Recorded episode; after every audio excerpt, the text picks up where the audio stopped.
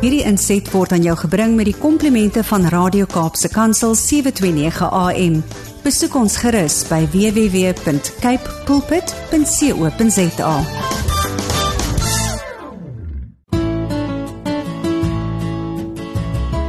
Goeiedag, my naam is Ilse Rondgen en ek nooi jou om saam met my stil te word en saam met my by Jesus se voete te kom sit terwyl ons hartsgesprekke saam met hom gaan hê. Indien jy vandag vir die eerste keer inskakel, wil ek jou graag 'n baie geseënde 2024 toewens.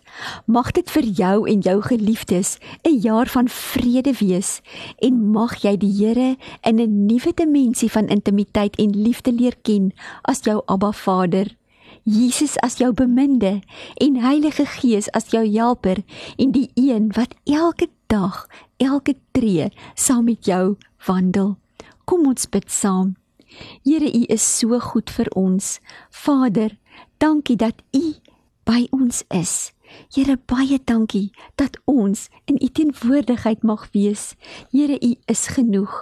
Ek bid vir U vreugde wat ons krag is, Here. Here, skyn deur ons. Here, kom skyn in ons harte. Here, kom skyn in ons omstandighede. Ons is lief vir U. U het ons alreeds liefgehad terwyl ons nog sondaars was, Here, en ons was so verlore. Here, ons hartloop vandag na U met al ons probleme en met 'n wêreld wat so donker is. Here, ek bid nou dat U Heilige Gees nou oor ons sal kom. Kom stort U Heilige Gees uit oor ons. Here, wanneer die vyand ons vreesagtig wil maak, help ons om te weet dat U is by ons. Here, mag U wil geskied en U koninkryk kom in ons lewens. Wil nie jy nie nou jou hand op jou hart sit en saam met my bid nie. Sê Here, ek gee vandag my hele wese oor aan U. Here, ek gee vandag my hart vir U. My hart is U sin. Ek bid dit in Jesus naam. Amen. Weet jy aan die begin van 'n nuwe jaar het ons almal al gewoonlik so gedink en gemediteer oor die jaar wat voorlê. Sommige van ons het selfs nuwe jaarsvoornemens gemaak. Sommige van ons is opgewonde en sommige van ons mag dalk onseker voel oor die jaar wat voorlê. En ek wil vandag met jou oor iets gesels waarmee elkeen van ek van ons al gekonfronteer was en dit is vrees. Vrees of fear staan vir die volgende: false evidence appearing real. Het jy geweet daar staan 365 keer in die Bybel do not be afraid? Moenie bang wees nie. Daar staan ook ongeveer 300 keer in die Bybel die Here is by jou. Daar was 'n tyd in my lewe wat ek in totale vrees geleef het. En weet jy, die Here was so goed vir my in daardie tyd. Die woord wat die Here daardie tyd vir my gegee het, was Jesaja 41 vers 10 en ek wil vandag dieselfde woord vir jou gee. Daar staan: Moenie bang wees nie. Ek is by jou. Moenie bekommerd wees nie. Ek is jou God. Ek versterk jou. Ek help jou. Ek hou jou vas. Met my eie hand red ek jou. En weet jy, ek is net so bewus daarvan dat Jesus is nou by jou en hy wil hê jy moet nou jou hand in sy hand sit. Hy wil hê jy moet hom vertrou. Om te dink die Here, die koning van die heelal, doen moeite met elkeen van ons. Hy doen moeite met jou en hy wil jou leer ken in die intiemste detail van al jou vrese. En wat sê hy? Hy sê vandag vir jou, moenie bang wees nie my kind, ek is by jou. Moenie bekommerd wees nie, ek is jou God. Ek versterk jou. Ek help jou. Ek hou jou vas. Dit is wat die Here nou vir jou sê. Dit is soos 'n kind wat op sy pa se skoot gaan sit en veilig voel, om in sy arms te wees en veilig te voel en ek en jy kan met vrymoedigheid op ons Abba Vader se skoot gaan sit. Dit is so hartseer dat baie mense dink en grootgemaak is is dat die Here kwaai en hard is, reg om ons te straf sodra ons 'n fout maak. Nee, dit is nie die waarheid nie. Dit is 'n strategie van die vyand om ons te laat glo dat die Here is 'n God wat ver is. Maar nee, hy is naby. Jesus het gesterf aan die kruis sodat ek en jy in 'n intieme verhouding, in 'n intieme liefdesverhouding met hom kan lewe. Want hy is liefde. Hy is genesing. Hy is lig. Hy is vrede. Hy is rus. Hy is God met ons en hy is ons enigste hoop in moeilike omstandighede. Weet jy die Here is mal oor jou en hy is 'n Vader van intieme verhoudinge en hy stel intiem belang vandag in jou omstandighede. Ons is baie keer so geneig om na die telefoon te hardloop wanneer daar 'n krisis is. Maar hoekom hardloop ons nie heel eerste na die Here toe nie? Vertel hom jou sorges en jou bekommernisse, want Jesus het die prys vir dit betaal. Ek het in my lewe gevind dat vrees my baie keer al heeltemal verlam het. Weet jy, dan kan ek nie fokus op die Here nie. Dan kan 'n mens amper nie eers Bybel lees of bid nie, want dit is asof 'n mens dan geen krag het nie. En weet jy, die vyand wou my gedagtes so op my situasie en my trauma hou dat dit my fokus geraak het. Maar die woord sê dat ons moet ons fokus op Jesus hou. Ons moenie ons omstandighede ons fokus maak nie. Weet jy die Here wil hê dat jy elke dag in oorvloed moet lewe en dat ek en jy in sy vrede en in sy vreugde en in sy geduld en sy uitkyk op die lewe moet lewe. Ek onthou dit so goed. Ek het eendag in my motor gesit en ek was so stikkend en ek het gehuil en ek het gebid en ek het gevra Here, hoe gaan ek deur hierdie omstandighede kom? Here, hoe gaan ek oorleef? En ek wou amper vra Here, waar is U dan? En ek het net baie stil geraak en ek het net begin asemhaal en ek het gesê Here, U is in my.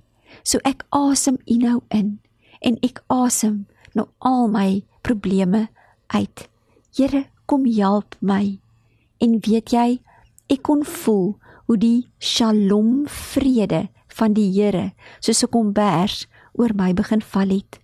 Daardie skrif wat sê Wees dankbaar in alle omstandighede het by my opgekom en ek het sommer net daar begin dankie sê vir alles wat ek het.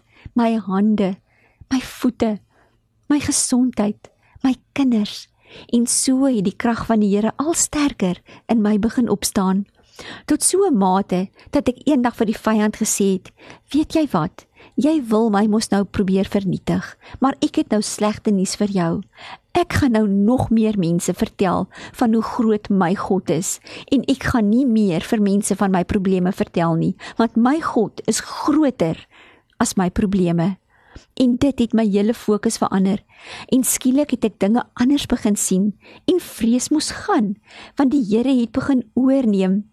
Ek het hom in my omstandighede ingenooi.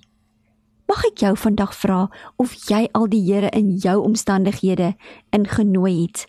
Die Bybel sê die Here het ons nie 'n gees van vreesagtigheid gegee nie maar van krag liefde en selfbeheersing Vrees is 'n vieslike gees wat wil keer dat die kinders van die Here effektief kan leef hier op aarde.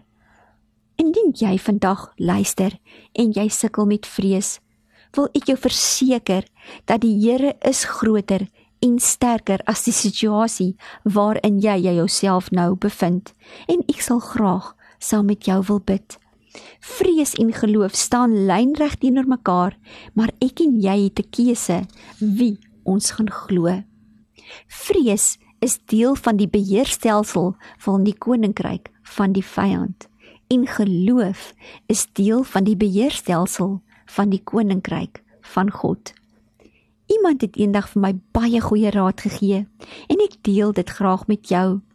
Wanneer ek baie vreesagtig en onseker geraak het, het ek sommer 'n klippie opgetel en dit in my klere se sakke gesit en wanneer ek gevoel het ek raak angsbevange of vreesagtig, het ek my hand in my sak gesteek en die klippie vasgehou. Ek weet die klippie het nie krag nie, maar dit het my op daardie oomblik gehelp om my fokus te skuif van my omstandighede na die Here wat my rots in my lewe is. En dit het my geanker en my rustig gemaak, soos Petrus wat op die water geloop het. Die oomblik toe Petrus sy fokus weggeneem het van Jesus af en hy die woeste waters om hom gesien het, het hy gesink en amper verdrink. Maar daardie oomblik toe hy na Jesus kyk, het hy op die water geloop en hy kon op sy omstandighede loop. Ek deel graag die volgende getuienis met jou. Smith Wigglesworth was 'n bekende Britse evangelis wat gelewe het van 1859 tot 1947. Hy was baie geliefd en bekend as 'n kragtige man van geloof en die Here het kragtige dade deur sy bediening gedoen wat die Here aan hom toevertrou het. Hy het eendag 'n persoon gehad wat siek was en hy is gevra om vir daardie persoon te gaan bid want hy was besig om te sterf. Maar weet jy die vyand het hom probeer laat verstaan dat hy sy tyd gaan mors om vir hierdie persoon te bid. Want die duiwel wil hom dat glo dat die persoon se omstandighede nie kan verander nie en dat hy nie kan genees nie want hy is besig om te sterf. Maar daardie nag het Smith Wigglesworth 'n sielestryd gehad, maar hy het geweet wie sy God is en hy het geweier om na die stem van die vyand te luister. En weet jy dit is baie keer die taktik van die bose om ons fokus weg te neem van die Here af. Ons moet eerder fokus op die Here as ons omstandighede. Onthou alhoewel die bose en sy magte geen autoriteit het nie, behalwe deur dit wat ons as sonde deur hom gee, het hy nog altyd krag en hy sal alles in sy vermoë doen om my en jou vol vrees te maak.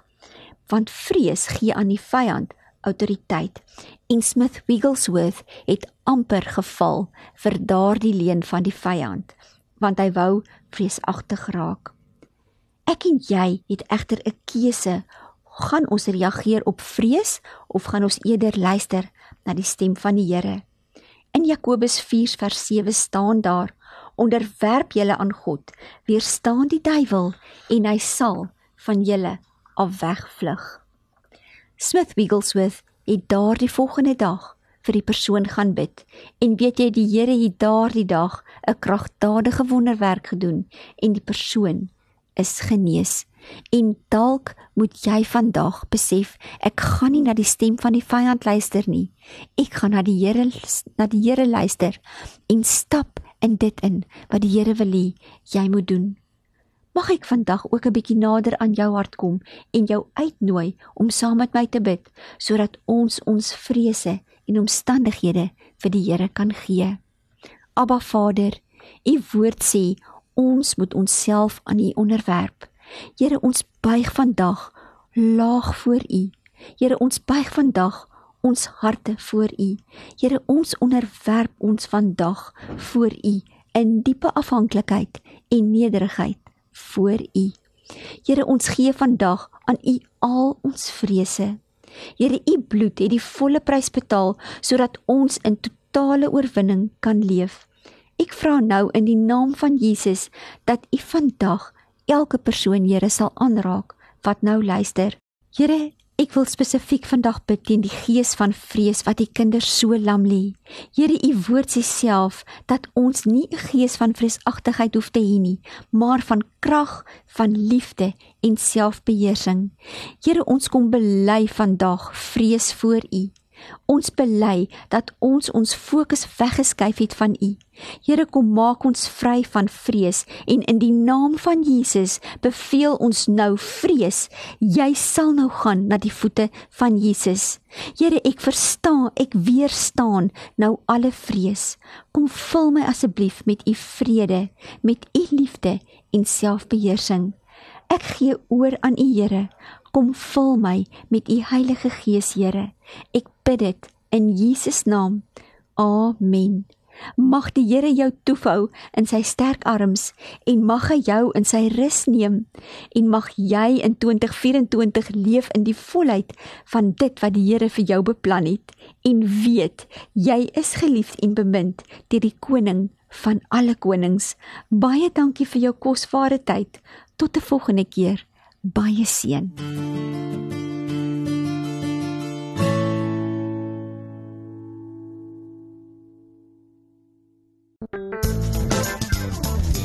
Hierdie inset was aan jou gebring met die komplimente van Radio Kaapse Kansel 729 AM. Besoek ons gerus by www.cape pulpit.co.za.